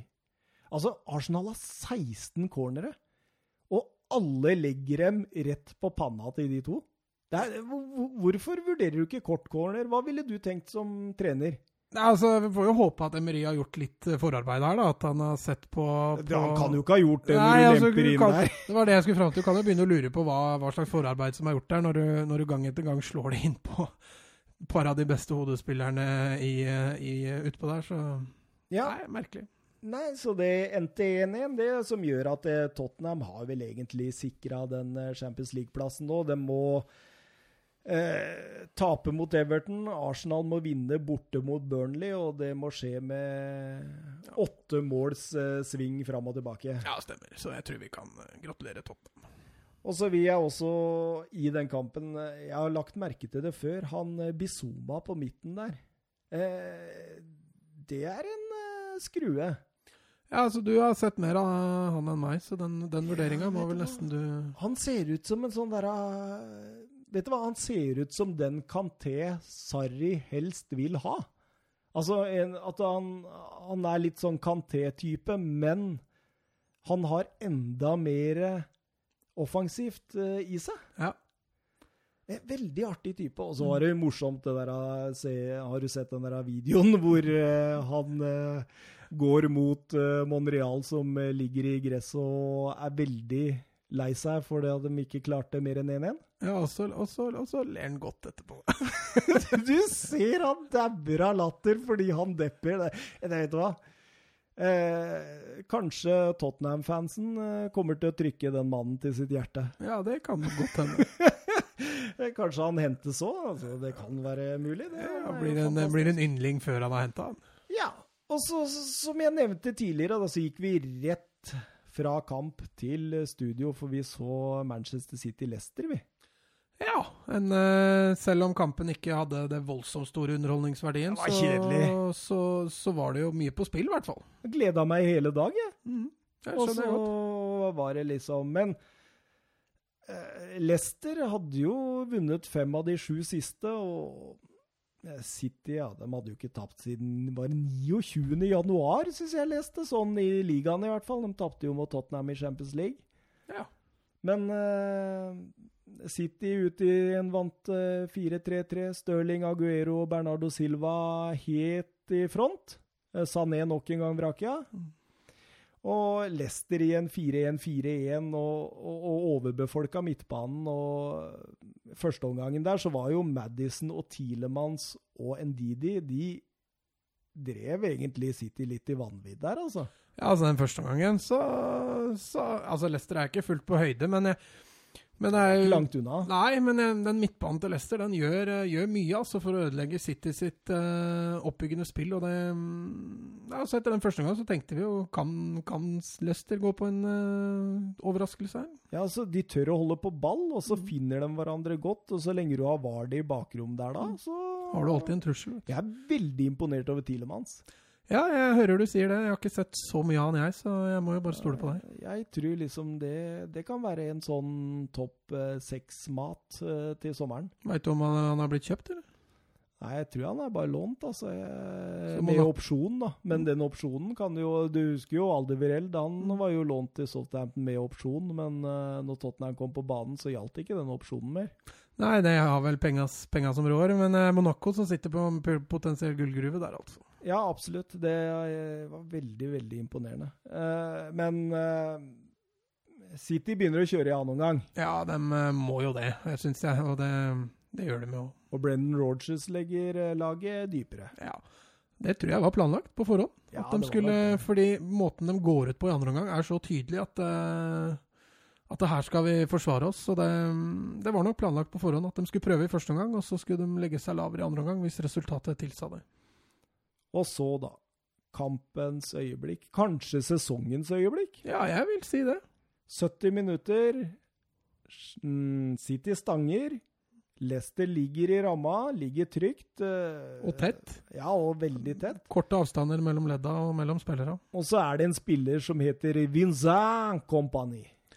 Ja, for en, eh, for en måte. Eh, Vi, vi satt jo og prata litt når kampen var ferdig, og det så jo nesten litt ut som dette var siste, siste, Siste kampen hans Ja, måten på, han, på, på. Etihad. Mm. Måten han går rundt der og, og, Men, og gråter og men hvis du scorer et sånt mål, er det ikke bare greit å si takk for meg nå? Jo, eh, takk for maten. Men eh, måten unga hans kommer ut der på eh, Nei, Tårer i øya. ja, det var litt følelse, mye følelser der. Så, Børsli TV 2-studie med tårer i øya. ja, ja. Nei, som sagt, jeg tror, tror fort kan ha spilt sin siste kamp. Ja. Tenk det, ja. Captain eh, Company. Ja. Avslutte på den måten er jo helt innafor. ja, for et mål. Den, altså, han kliner til der med ytterskru. Altså, Schmeichel står jo egentlig godt plassert for å Mm. kunne ta det skuddet, men likevel så kan du si han hadde ikke kjangs. Ja, han var ikke i nærheten. Det var både hardt og Altså, den ballen får du jo ikke mer opp i krysset, med mindre uten å treffe et stang eller tverrligger. Eller begge deler. Ja, tenk det- tenk Liverpool-fansens øyne av håp, da. Her var sjansen, liksom. Her var den store sjansen.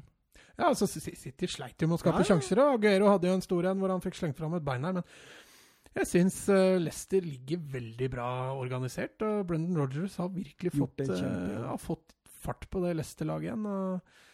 Nei, jeg tror City skal prise seg lykkelig over at Company endelig traff igjen fra utafor 16. Altså. Mm. Absolutt. Da ble det 1-0 til City, og City tok over eh, tabelltopp.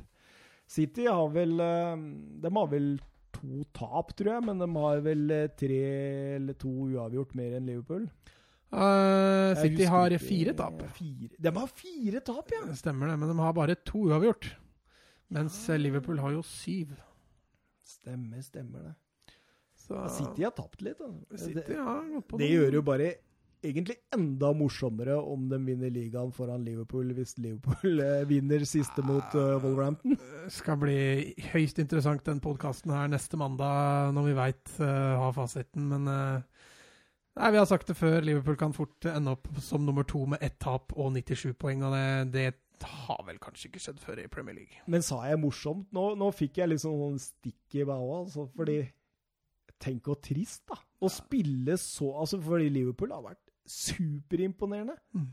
Og nå kan de altså ende opp med ingenting. Selv om de var best på noe kamp mot Barcelona i store deler av kampen. Selv om de taper én kamp i løpet av sesongen. Vet du hva? Det er, det, det er ikke meninga. Du kan legge ned laget, liksom. Klopp, stikk av gårde. Ja, det, vet du hva? Hvis du ikke vinner noe nå Nei, jeg er helt enig med deg. De har hatt en, eh, de har hatt en veldig, veldig bra sesong. og De har en brei, brei stall, de har en artig spillestil. De, eh, det er mye som klaffer, men allikevel så sitter de tomhendt igjen. Også.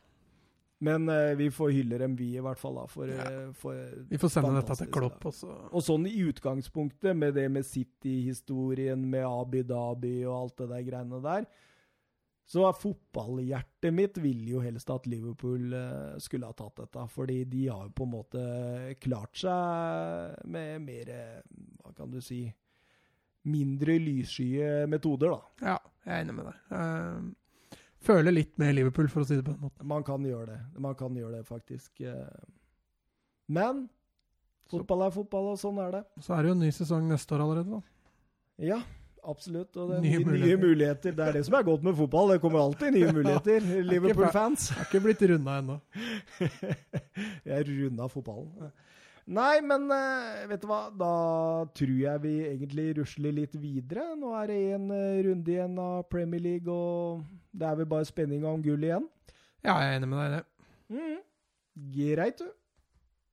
Men du, eh, Mats. eh, Bundesliga, der eh, begynner vi å få noen svar der òg. Så begynner vi å, å nærme oss total katastrofe. Hva mener du med katastrofe? I forhold til det med å få noen svar, da. Fordi det, den kampen om fjerdeplassen der, der Der har det tetta seg veldig til. Uh, utrolig gøy for spenningen i Bundesliga. Bayern er jo mer eller mindre sikra, Dortmund er jo mer eller mindre sikra, og Leipzig er jo sikra. Så det er jo fjerdeplassen og de resterende Europa League-plassene det, det kjempes om der. Og det, det er jo tre poeng da, mellom, mellom fjerdeplassen og åttendeplassen, så det, Men, eh, men eh, så du Leverkosen Frankfurt, eller? det gjorde jeg ikke. Der, der kom alle måla før det var spilt 40 minutter. Oi. Mhm. Så du kan jo slått av til første gang, altså. Ja, absolutt. Absolutt. Eh, De avgjorde, og eh, vet du hva? Kai Havertz og Julian Brandt, vi har sagt det før, og vi sier det igjen. Eh, For noen spillere, altså. Altså, jeg ser, ser de har vært toneangivende, i hvert fall ut fra, fra statistikken. Ja, absolutt. Og eh, han eh, godeste Frankfurt-treneren eh, Hyttel, han eh, bytter to mann etter 37 minutter. Da er du ikke fornøyd. Ja, som ikke var pga. skade? Ja, Ja, nei, da har du sett ting du ikke har Han bytta hele venstresida si etter 37 minutter. Ja, ikke sant. Nei, da og så, Nei, men det er klart, når du har sluppet inn fem mål, Seks. seks mål på 37 minutter, så er det jo greit å gjøre, gjøre en forandring eller to. Ja. Nei, så det var jo liksom altså Frankfurt kunne jo på mange måter ha begynt å nærme seg noe som kunne se ut som en sikker Champions League-plass, da. Ja, altså For en uke de har hatt igjen, altså. ja, altså Frankfurt spilte jo mot Chelsea på, på torsdag, så de, de har sikkert tenkt litt på det. Og så ser jeg jo dette, de har jo, de har jo hvilt spillere. Ja da, jo da, men uh, likevel, da. Ser jo Rebic også var jo tilbake igjen i den matchen, så det tyder jo på at uh, han er klar igjen mot, uh, mot, Chelsea på Stamford Bridge, antageligvis. Ja, så var det jo en annen nøkkelkamp oppi dette òg, fordi Gladbach møtte Hoffenheim. Og det var jo også to lag som, som er i den bolken, da. Mm. Men i motsetning til Leverkosten så, så ble det litt mer jevnere der. Ja da, absolutt. Og det var en veldig, veldig jevn kamp. Den har jeg bare sett, uh, sett uh, sammendraget fra, og litt grann uh, statistikk og sånt. Og det er, det er, ikke så mye som skiller de to lagene der i den kampen, så det bør vel være helt greit. Jeg ser det er en stor forskjell på antall avslutninger, i hvert fall. Her har jo Hoffenheim 26 avslutninger mot Gladbachs 11, så mm. uh, Det var vel kanskje greit med, med poengdeling. Det var nok det. Og, men hva tenker du nå om kampen om fjerdeplassen der nå? nå vi, vi, sa jo at Bayern hadde vunnet i forrige runde, og dem, dem gjorde jo ikke noe skam på det med å vinne enkelt denne gangen òg. Dortmund avga poeng, så det, det er, den topp tre der er kjørt. Men det er, det er jo Og, og nedrykksstriden er jo også avgjort der nå når Stuttgart eh, klarte å rykke ned. Nei, Stuttgart har kvaliken. Um, ja, kvaliken. Ja, men, uh, men, og Nürnberg uh, og Hanoffer for så vidt har jo teoretiske mm. muligheter til å ta den kvalikplassen, men, men sikker plass det er jo ingen av de som har mulighet til. Når det gjelder den fjerdeplassen, så hvis du ser på formen, så, så har jo Leverkosten fire seire på, på de fem siste. Eh, Frankfurt har én seier på de fem siste. Sånn at eh, Leverkosten ser ut til å, til å komme seint, men, men, godt. Og, og, Wolfsburg også har jo har tre på de fem siste, mens, mens Gladbach, er samme som Frankfurt, har har én på de fem siste, så hvis vi skal se på formkurven, så, så ser Leverkosten sterkest ut til å, til ja. å ta den inn. Og der er det kjempeform òg, på de offensive gutta der. Ja, jeg er helt enig med deg. Måten de utklassa Eintracht Frankfurt uten at de har sett kampen, så må jo det ha vært eh, må jo det ha vært eh, grei skuring. Og når du ser hvilke kamper uh, Leverkosen har igjen kontra, kontra Eintracht Frankfurt, så, så, ligger det litt i kortet at Leverkosen skal klare det. De har jo Schalke nå uh, i neste kamp, som ikke har noen ting å spille for hjemme. Og så avslutter de med Hertha Berlin. Med Hertha Berlin mm. borte, og de har heller ingenting å spille for. Så, så jeg, jeg, tror, og, og, Frankfurt har jo siste kampen sin borte på Allianz Arena mot Bayern. Så nei, jeg tror, jeg tror Leverkosten tar den, ja. Ja, men jeg, jeg, er ganske enig med deg der. At uh, jeg tror det går mot det. Mm. Uh, nok en gang, uh, Bayern München vinner. Det, det, det syns jeg var litt trist, da, fordi jeg, jeg, jeg var litt sånn skap-Dortmund-fan der etter hvert, altså. Ja, altså Bayern har jo vunnet såpass mye òg at det er lett å heie på de som kommer, kommer unnifra, føler jeg. I hvert fall hvis du ikke har noe lag. og Litt enig med deg. Dortmund spiller jo på sitt beste spiller de jo fantastisk fin fotball. Eh, mm. Det gjør for så vidt Bayern også, men, uh, men, det har noe med underdogsen igjen. Og ja. Nei, ja, det er unna Dortmund den seieren der. Mm. Nei, men vi får se hva som skjer. Vi får uh, se. Men uh, La Liga, da, der uh, må jeg være så ærlig å si at jeg har ikke fått med meg en eneste ting denne gangen. Nei, jeg har fått med meg litt, da. ja, men det, skal... Du har jo fått med deg mer enn litt, tenker jeg. da. Vi, vi, vi, begge var på hyttetur i helgen, da. Det, det, det, bør, det bør, nevnes. Jeg, ja, jeg, jeg, brukte søndag kveld og mandagen til å få med meg, få med meg litt kamper. Mm. Men, eh, men, også i La Liga så er, jo, så er, jo, mye avgjort. Det Samme som i Bundesliga, så er det fjerdeplassen det spilles om, og, og Europa League. Og i løpet av helga så blei også to av tre nedrykkslag klare for uh, Adelante neste sesong. og Huesca og Rayo er jo da uh, rykka ned, mens, mens Getafe, Valencia og Sevilla kjemper om, um, om Champions League. Sevilla røyk på en smell, eller? Sevilla dreit seg rett og slett loddrett ut på fredagen. vi snakka jo om det i første episode, at uh, Ever Banega sin utvisning det kan komme til å bli skjebnesvangert. Og det, mm. det tror jeg det blei. Kampen mot Leganes, altså Sevilla, styrer jo, styrer jo mye. Uh, skaper ikke all verden. Men, men en spiller som Ever Banega i den kampen her kunne faktisk utgjort en forskjell. og 3-0 til Leganes tyder jo på at det skulle vært overkjøring. Det var det på ingen måte ikke. Leganes var, eh, var, veldig effektive. Mm. Eh, Sevilla brant de sjansene de skapte. Uh, så, men uh, svakt av Sevilla. De har fortsatt mulighet på Champions League, men, uh, men det der burde ha vært en uh, trepoenger også, hvis de skal være med og kjempe om det. Men jeg sitter litt og håper at Getafe tar den siste plassen, jeg nå. Ja, det tror jeg det er flere som gjør. Der er vi litt tilbake igjen på det med underdog. og ikke det at Getafe spiller så veldig vakker fotball, for det, det er, gjør de på ingen måte ikke. De, de spiller en eh, ganske brutal fotball. eh, det er mye dueller, mye taklinger, eh, mye oppofrende spill. Ja. Sånn sett også for så vidt lett å bli, bli glad i, men altså, Enten elsker du dem, eller så hater du dem. Det er litt altså, sånn. Ja, og så skal jeg være helt ærlig, så har jo ikke Getafe noe i Champions League å gjøre, men Nei, det er det som er gøy. men for all del, Getafe Hvis de greier det, så er det i hvert fall fullt fortjent. Er det noen som trodde at Ajax hadde så mye i Champions League å gjøre før dette, denne Nei, sesongen? Det var det nok ikke. Nei, altså At de hadde noe i Champions League å gjøre, var det jo kanskje de hadde, men at de skulle gå Det var ikke mange som snakka om Frenkie de Jong og, Jong og Donny van den Beek og sånt før sesongen. Nei, de har jo tatt steg, dem. Så det, men, men litt samme med Getafe. De, eh, altså, de har jo Jorge Molina på topp der, som, som uh, preger det offensivt. Så er vel blitt 36 år nå, så han, eh, Det er en fæling. han drar lasset. Og så har de jo gode gamle Flamini på, på midtbanen. Han spilte, han spil- spilte riktignok ikke nå i helga, men uh, det tyder jo litt på åssen spillertype Getafe har. Så Ja. um, det blir spennende å se. Ellers så fortsetter jo Zidane og, og Jeg har aldri vært fan av Flamini. Aner meg. Det ante meg. Det ante meg. Ja. Eh, nei, Real Madrid de, de tok en seier mot Villarreal, fullt fortjent. Uh, Zidane fortsetter jo å, å eksperimentere litt med, med Real Madrid, og det, det tror jeg han gjør lurt i. Real Madrid sin sesong er jo over for lengst. Mm. Så han, han eh, driver og tester ut litt spillere. Mariano Diaz fikk, fikk sjansen på topp igjen nå, og, og tok vare på den så, så det sang. Satte to kasser. To Det ene var jo av det pene slaget. ja. Ellers så spilte han også med, med Vallejo bak på, på stopperen, som fikk, eh, fikk sjansen.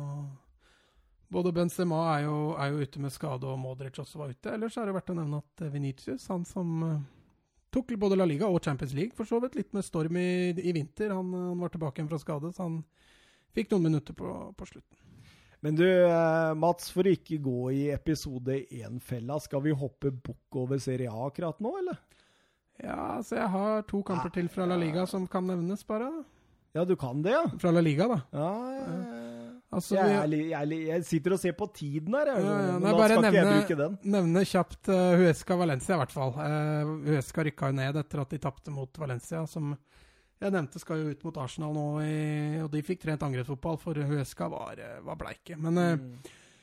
Valencia vant 6-2, fullt fortjent, leda 5-0 etter første gang. eh, men det som er verdt å nevne fra den kampen, var, eh, var hvordan fansen sto igjen etter matchen og applauderte laget sitt av banen. Huesca har vel egentlig ingen forutsetning for å spille La Liga.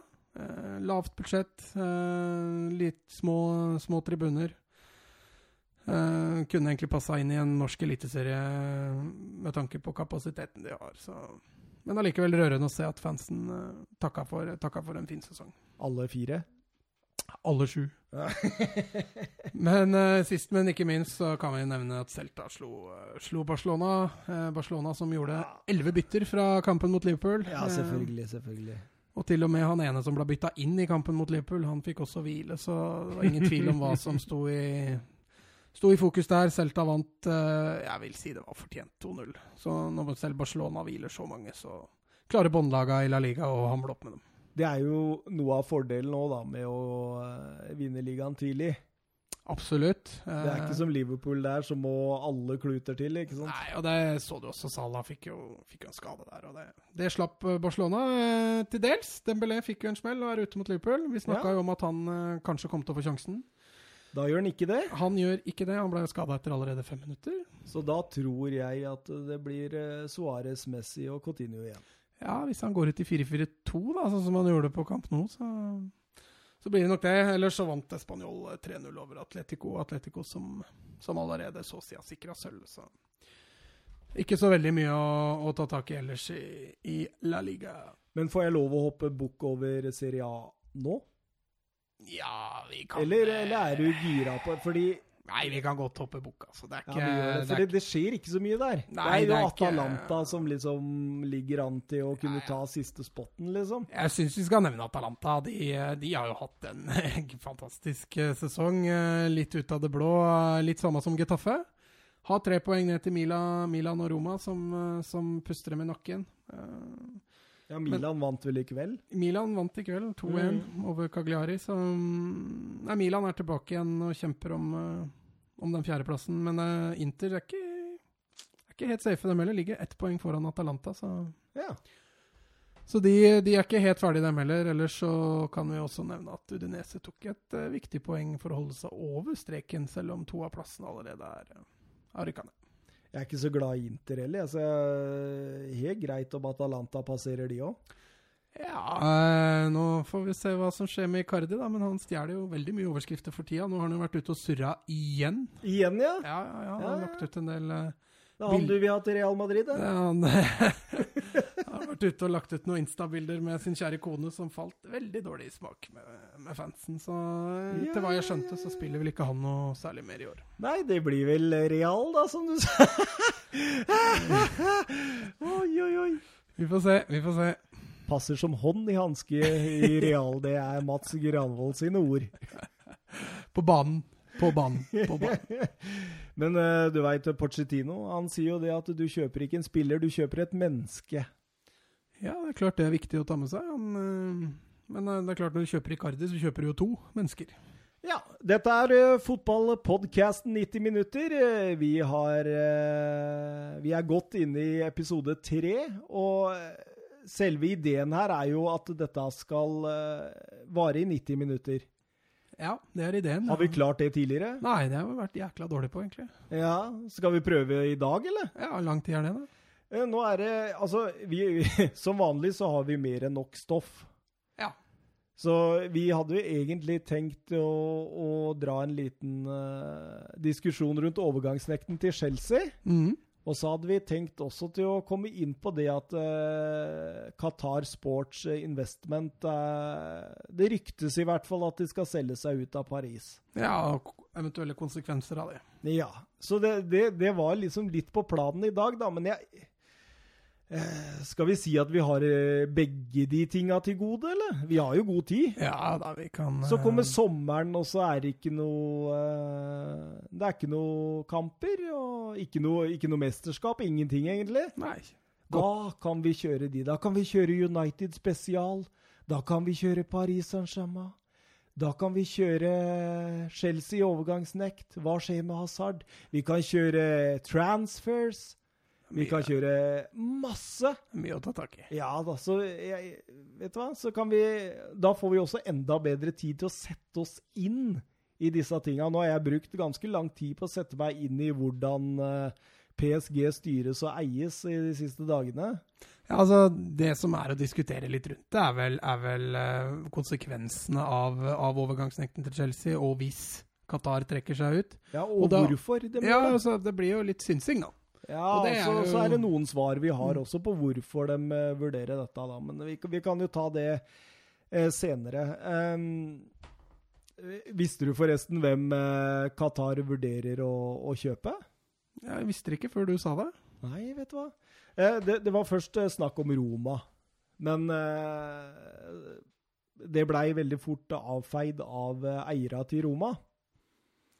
Så eh, da det- står man igjen med noen gamle storheter. Og da skal vi vel til Premier League? Nei, vi skal til Ikke bare? championship. Championship, ja. Ja, ja. Qatar eh, Sports Investment lurer på å ta over enten Leeds United, Nottingham Forest eller Aston Villa.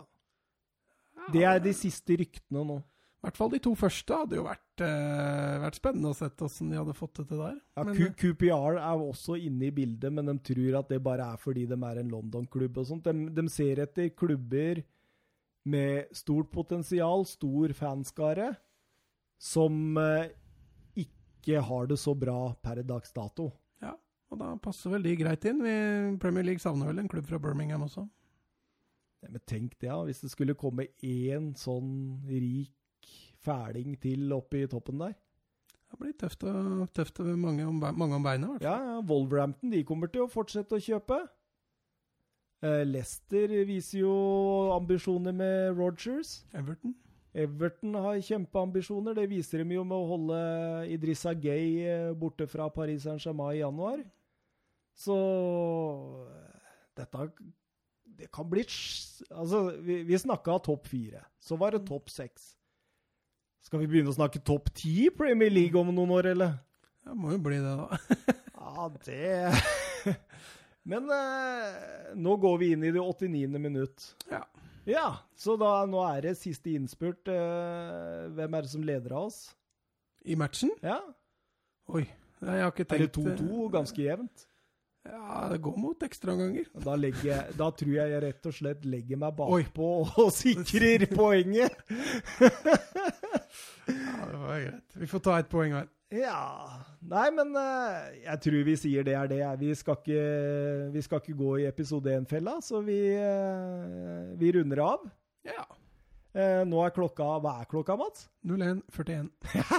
Vi har den, eh, den, den Det er tradisjon, det å spille ut midt på natta. Ja, og så har vi jo liv utenom, da, så vi må jo bare ta den tida vi har ledig. Ja, for hvis det begynner å snø nå, som det ser ut som, og hvis veiene blir glatte, så tilsier det at eh, jeg, jeg har turnusfri i morgen. Men Ja. da får jeg hun minste hjemme i morgen, for hun gadd ikke å ta med hun i barnehagen da. Nei, det er klart når det snør, så skal ikke unga være i barnehagen. Nei, men jeg tenker mest på sommerdekk, da, din. Vi satt jo på sommerdekk der, så Ja, Skjønner den. skjønner den. det gjorde du òg. Ja, Stemmer. Jeg sa til kjerringa at jeg er en blånekter. Da lar jeg bilen stå, og så får vi heller eh, klare oss uten bil noen dager. Hvis det Jeg gidder ikke å skifte dekk tre ganger på en uke. ass. Det er på grensa å gå. Så når jeg går ut den døra nå, som ligger tre meter unna meg, så har jeg sannsynligvis svaret. Fordi hvis det ikke ligger snø nå, da tror jeg ikke det kommer i natt. Nei, jeg har trua på at det skal gå an å kjøre bil i morgen, jeg, altså. Vi får håpe det, og eh, hvis ikke så eh, må alle kjøre forsiktig. I hvert fall de som velger å kjøre på sommerdekk. Men eh, vi kan jo helt til slutt nevne at det er jo Champions League i uka. Allerede i morgen. Eller i dag, siden klokka er Ja, det blir jo faktisk i dag. Det er jo to fantastiske oppgjør. Ja, det er en avgjort og en vi åpen. Avgjort. Ja, vi får se, da. Det er uten Sala og Firmino. Ja, Liverpool går ikke utpå der og legger seg ned. Origi hat trick. ja, lett.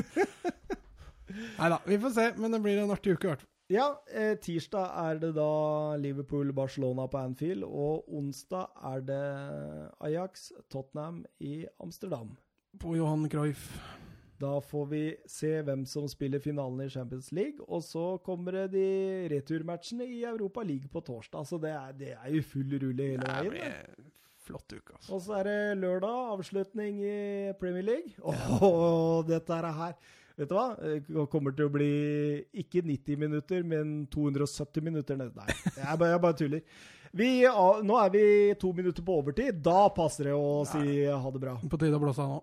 Takk for at du hørte på. Eh, har du noen eh, kommentarer, noe innspill, eller eh, ønsker å kontakte oss, så finnes vi på alle sosiale medier som det går an å være på nå, faktisk. Ta kontakt. Og vi har fått åtte følgere på eh, Twitter. Nei og nei.